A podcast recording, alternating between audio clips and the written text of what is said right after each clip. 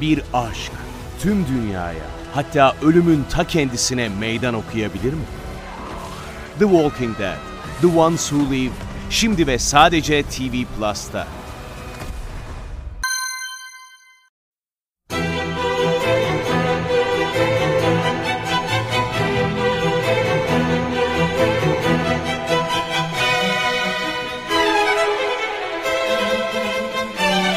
Herkese merhaba, Sinematris'te Görkem Öge ile birliktesiniz. Bu haftaki programımızda sinemasal açılımlar dosyamızın 20.sini gerçekleştireceğiz. Zaten programın adında görmüşsünüzdür, revizyonist sinemadan bahsedeceğiz. Böyle çok entelektüel, çok sanat sepet bir isim gibi görünmemiştir umarım size. Çünkü aslında çok bilindik isimlerden bahsedeceğim. Çok bilindik filmlerden bahsedeceğim. Gayet iyi bildiğimiz yönetmenlerin, sinemacıların, filmlerin hani gizledikleri taraflarını, hani biraz ortaya çıkışlarını, biraz ortaya çıkış dinamiklerinden size bahsetmeye çalışacağım ve aslında o isimleri, o filmleri neden bu kadar çok sevdiğimizi tekrar tekrar daha önce yaptık ama en azından başka bir açıdan tekrar hatırlamış, tekrar konuşmuş olacağız. Ondan dolayı revizyonizm aslında sinemada çok önemli. Zaten hani başka birçok alanda zaten revizyon diye bir şey var. Yenileme, yeniden gözden geçirme tanımlardan da kabaca bahsedeceğim zaten.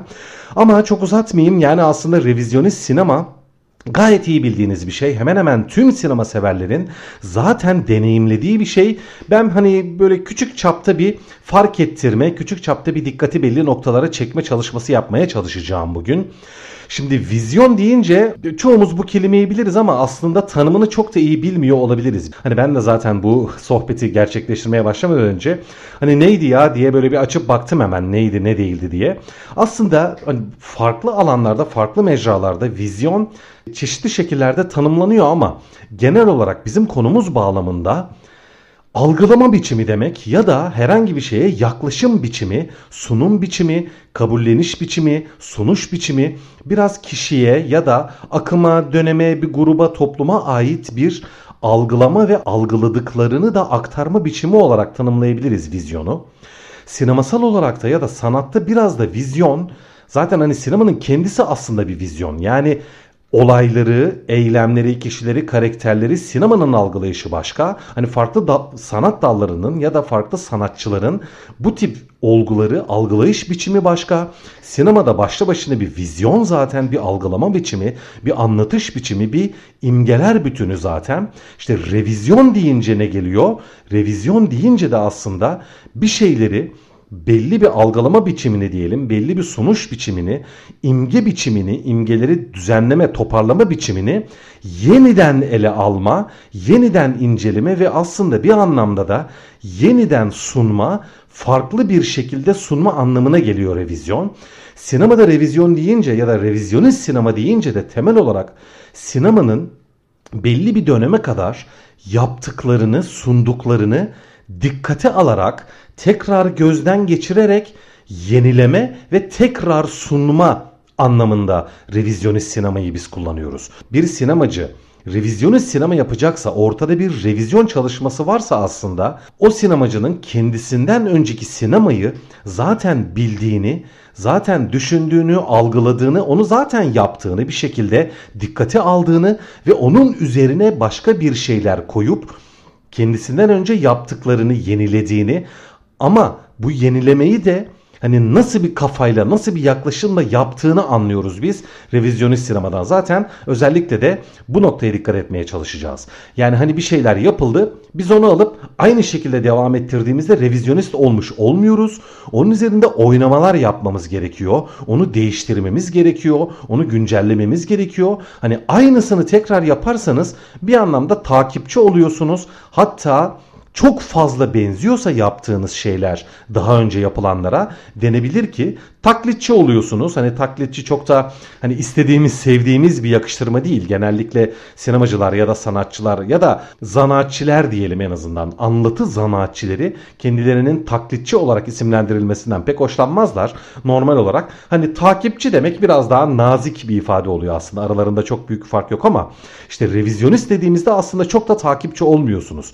Hani takip ediyorsunuz bir şeyleri ancak onun üzerine bir şeyler katıyorsunuz, güncelliyorsunuz, değiştiriyorsunuz vesaire. Şimdi revizyonist sinema aslında sinemaya 90'larda girdi diyoruz aslında. 90'ları revizyonist sinema olarak görüyoruz. Sinema üzerinden sinema yapma akımı olarak aslında bugün için dahi sinema tarihinin son kabul görmüş diyelim. Hani tescillenmiş diyelim son sinemasal akımı olarak sinema üzerinden sinema yapma akımından bahsediyoruz. Eski programlarımızda birçok kez bundan kabaca bahsetmiştim zaten. Ama o akımı revizyonist olarak ya da o akımın daha çok revizyonist tarafına dikkati çekme açısından bu konuyu burada ilk kez konuşmuş oluyoruz. Hemen sinemacılardan bahsetmeye çalışayım. Tanım tarafını çok da böyle uzatmayayım. Sıkıcı olmasın sohbet. Şimdi revizyonist sinema deyince aklımıza gelen ilk sinemacı aslında Quentin Tarantino. Hemen hemen hepimizin bildiği gibi Quentin Tarantino sinema üzerine sinema yapıyor. İşte kendisi bir video dükkanında uzun yıllar çalışmış. Uzak Doğu filmlerini, Hollywood'un işte eski filmlerini, korku filmlerini, dövüş filmlerini çok fazla izlemiş. Bunları çok sevmiş, çok çok incelemiş ve bunlardan beslenerek bir sinema sevgisi oluşturmuş. İşte o sinema sevgisine de zaten filmlerine ilk anlarından itibaren ta ilk filmi Rezervuar Köpeklerinden itibaren aktarmıştı. Ancak Quentin Tarantino çok konuşulmuş bir isim olduğu için onun üzerinden gitmeyeceğim. Ben aynı dönemin farklı birkaç sinemacısından yine bildiğiniz isimler Yine bildiğiniz filmler olacak o sinemacıların filmleri. Biraz onlardan bahsetmek istiyorum. Şimdi revizyonist sinema deyince aslında ilk akla gelecek isimlerden bir tanesi değil ama bence revizyonist sinemanın böyle tam göbeğinde, tam merkezinde yer alan çok önemli bir, bir sinemacıdan bahsedeceğim şimdi size. Tim Burton. Tim Burton'ı gerçekten hani birçok sinema sever zaten duymuştur. Filmlerini biliyordur, seviyordur. Wednesday diye bir dizi yaptı. Ondan hatırlatmıştım ben hani Tim Burton Bayağı bir süredir biraz böyle uykuda hani eski gücünde eski konuşulmuşluğunda değil ama Wednesday ile umarım iyi bir dönüş yapar demiştim ve dizi gerçekten çok sevildi çok izlendi. Duyduğum gördüğüm kadarıyla ben izlemedim. İyi bir dizi olduğu söyleniyor. Tim Burton revizyonist sinemanın gerçekten en önemli isimlerinden bir tanesi. Peki revizyonizm derken onun revizyonluğu nerede? Şöyle ki Tim Burton'a kadar bütün sinema tarihinde korkutucu imgeler, korkutucu karakterler, korkutucu kişilikler hemen her zaman izleyiciden uzak tutulmuş tiplemelerdi. Eğer bir dağın tepesinde işte ürkütücü bir şatoda işte çok korkunç bir karakter varsa o karakteri sinemacılar çoğunlukla sadece korkutucu kişilik, korkutucu nesne hatta korkutucu özne diyebiliriz olarak kullanmışlardı. Tim Burton'a gelene kadar Tim Burton ne yaptı? İzleyiciyi aldı, o korkutucu şatonun içerisine soktu ve o korkutucu şatodaki korkutucu kişiyle tanıştırdı. Onun hayatını izleyiciye anlattı. Onun neden korkutucu bir kişilik olduğunu, aslında onun da korkularının olduğunu, korkutucu bir kişiye dönüşürken aslında gayet de dramatik son derece bizim de anlayabileceğimiz olaylar yaşamış olduğunu bize anlattı ve korkanla korkulanı bir araya getirdi, dost yaptı, birbirlerini anlamasını sağladı. Şimdi bakın bu muhteşem bir vizyon, harika bir revizyon gerçekten sinema tarihi adına. Bu nedenle biz zaten Tim Burton'ı çok seviyoruz değil mi? Gerçekten çok sevenleri var, fanatikleri var Tim Burton'ın. İşte bu fanatizmi de zaten sonuna kadar hak eden bir isim.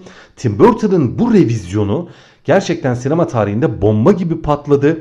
Birçok filmi var. Hani ben hangisinden örnek verdim aslında? Edward Makaseller'den örnek verdim. Bu film tam olarak bu bahsettiğim konu üzerinedir ve tam da revizyonist bir filmdir. Tim Burton'ın başka bir hani revizyon vizyonu diyeyim içeren filmi ya da karakteri deyince akla gelecek olanlardan bir tanesi Beetlejuice'tur. Beetlejuice olağanüstü muhte beter böcek muhteşem bir filmdir.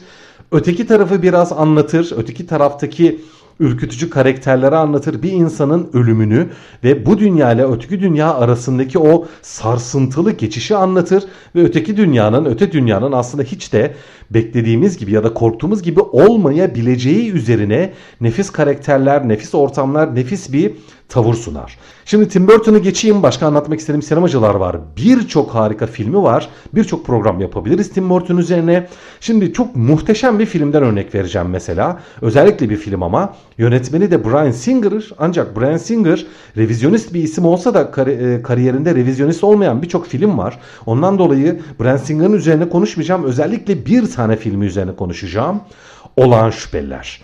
Olağan Şüpheliler sinema tarihinin en revizyonist filmlerinden bir tanesi. Bakın direkt hani nokta atışı yapıyorum. Nokta atışı film ismi veriyorum.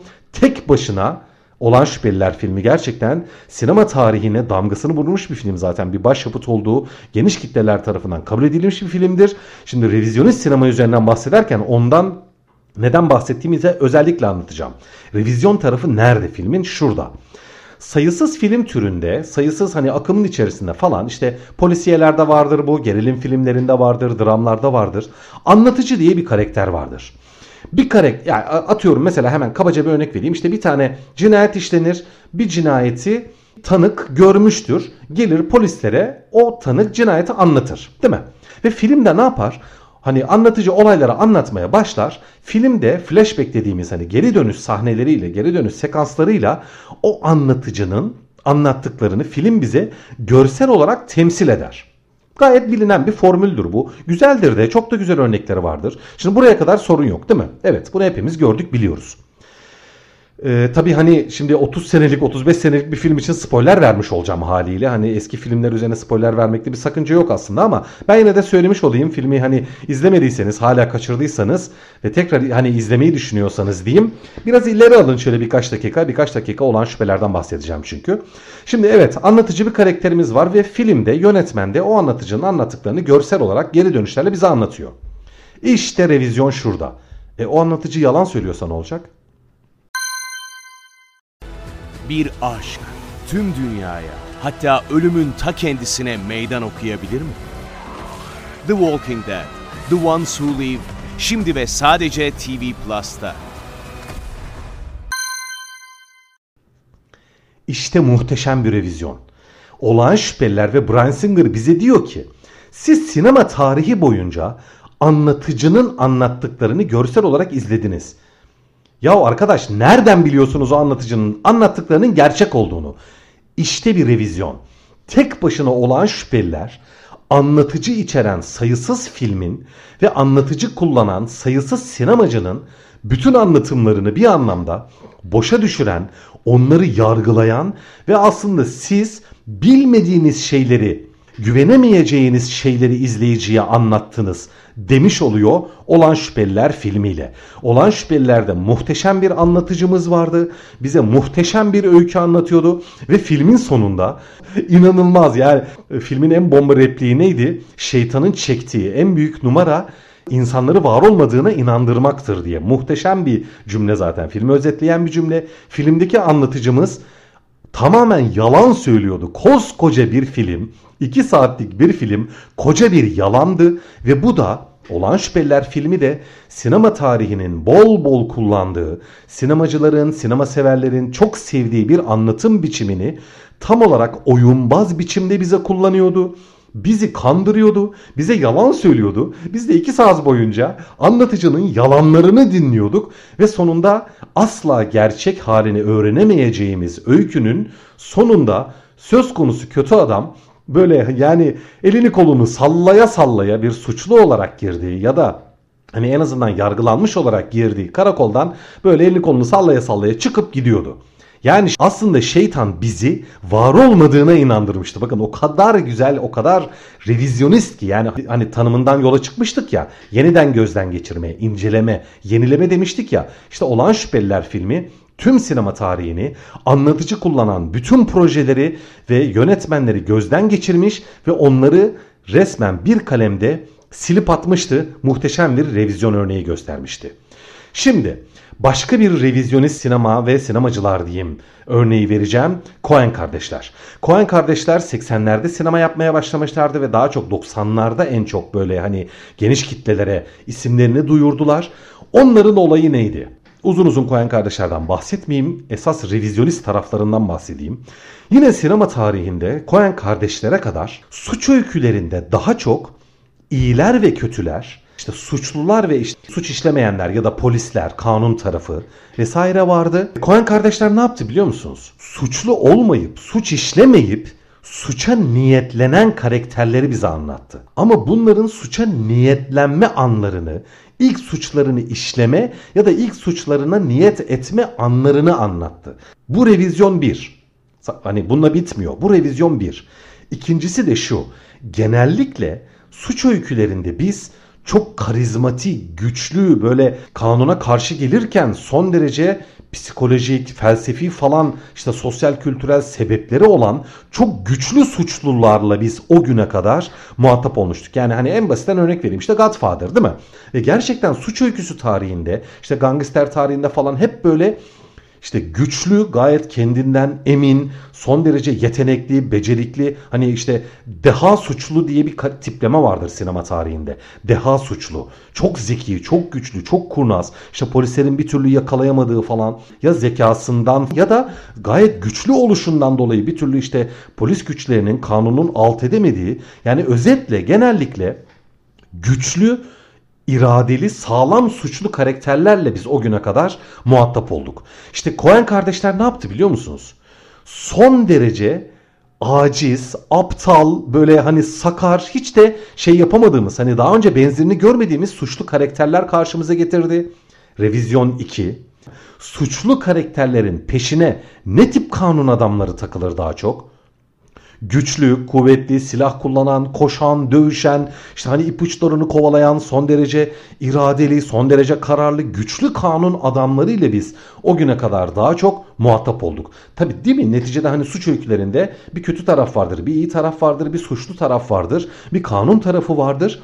Hani o tarafların karakterleri ne kadar güçlü olursa, ne kadar iradeli, ısrarlı, ne kadar kendinden emin, ne kadar zeki, akıllı olursa ortaya o kadar büyük bir mücadele çıkar ve biz o kadar da heyecanlı bir film izleriz değil mi? Temel mantık olarak. İşte hayır. Coen kardeşlerin 3. revizyonu da kanun tarafındaki kişilerin de son derece normal, hatalar yapabilen, eksikleri olan hani böyle tırnak içinde memur tiplemeler yani böyle memur son derece sıradan polisler olduğunu gösterdi bize, olabileceğini gösterdi. İşte zayıf, aciz, suçlu karakterler, zayıf, aciz kanun tarafındaki polis karakterler. Bunların tamamı birer revizyon oluyor. Ve muhteşem suç öyküleri karşımıza getirdi. En güçlü iki tanesinden bahsedeyim size. Ve tam hani bu anlattığım kalıplara uyan filmler olacak bunlar. Bir tanesi Büyük Lebowski, bir tanesi Fargo. Zaten Fargo filmiyle Coen kardeşler e, Oscar'larda boy göstermişti falan. Hani böyle seslerini tüm dünyaya duyurmuşlardı Fargo filmiyle. İşte bu iki filmde de gayet aciz suçlular ve gayet aciz ya da aciz demesem de normal kanun adamları ya da işte dedektifler vesaire vardı. İşte tam bir revizyon. Bütün sinema tarihinin suç öykülerini bir kalemde silen ya da silen demesem de bambaşka bir güncellemesini sunan ve bunu da çok başarılı biçimde karşımıza getiren revizyonist sinemacılar Coen kardeşler. Son bir revizyonist örnekten bahsedeceğim. Gerçekten çok başka yönetmenler var. Yani çok daha harika filmler var ama diyorum çok uzar program. Bir tane daha son revizyonist isimden bahsedeceğim. Geçtiğimiz günlerde zaten tekrar anmıştım. Michael Mann adlı yönetmen. E yine Michael Mann'den bahsederken adını duymamış olabilirsiniz demiştim. Bir filmden örnek vereceğim. Hepiniz eminim izlemişsinizdir ya da biliyorsunuzdur demiştim. The Heat filmi, büyük hesaplaşma filmi Robert De Niro ile Al Pacino'nun sinema tarihinin en büyük iki ismini bir masaya oturtup sohbet ettiren, kahve içiren işte Michael Mann demiştim Heat filminin yönetmeni. İşte Michael Mann de muhteşem bir revizyonist. Nasıl? O güne kadar Coen kardeşler işte öyküsünde bahsettiğim gibi çok güçlü bir kanun adamı, çok güçlü bir suçlu değil mi? Evet bunlar hiçbir zaman karşı karşıya gelemez.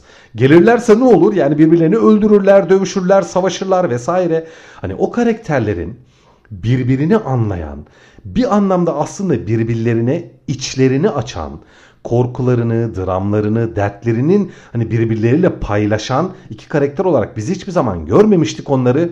İşte Michael Mann bunu yaptı. İyi tarafla kötü taraf arasındaki o kalın çizgiyi bulandırdı. Suçluyla kanun adamını birbirine yaklaştırdı.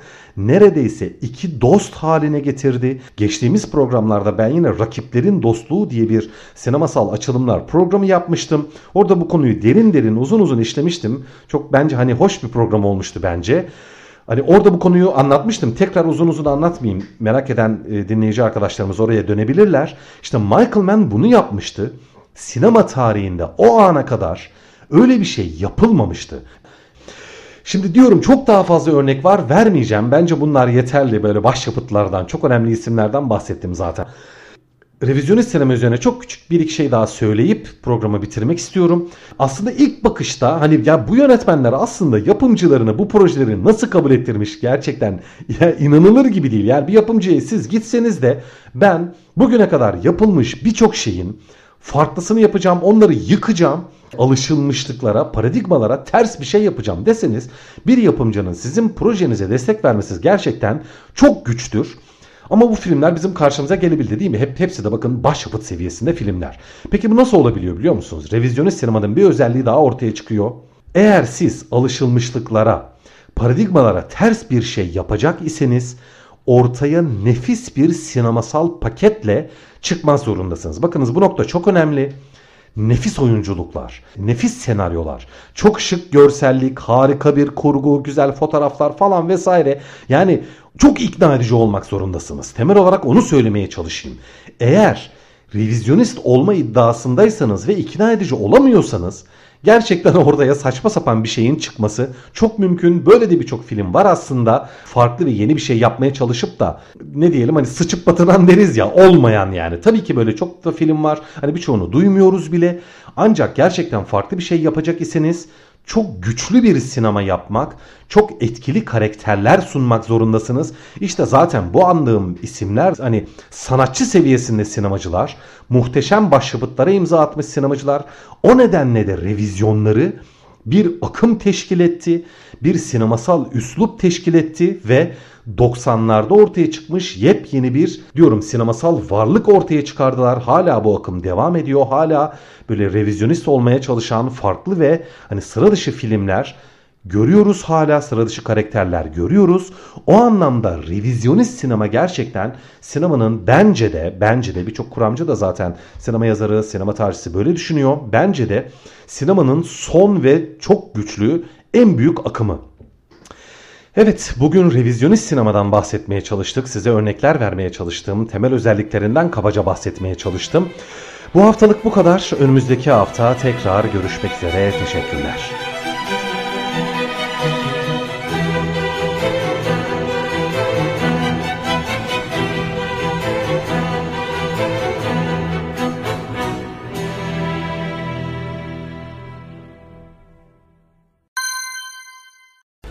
Bir aşk tüm dünyaya hatta ölümün ta kendisine meydan okuyabilir mi? The Walking Dead, The Ones Who Live şimdi ve sadece TV Plus'ta.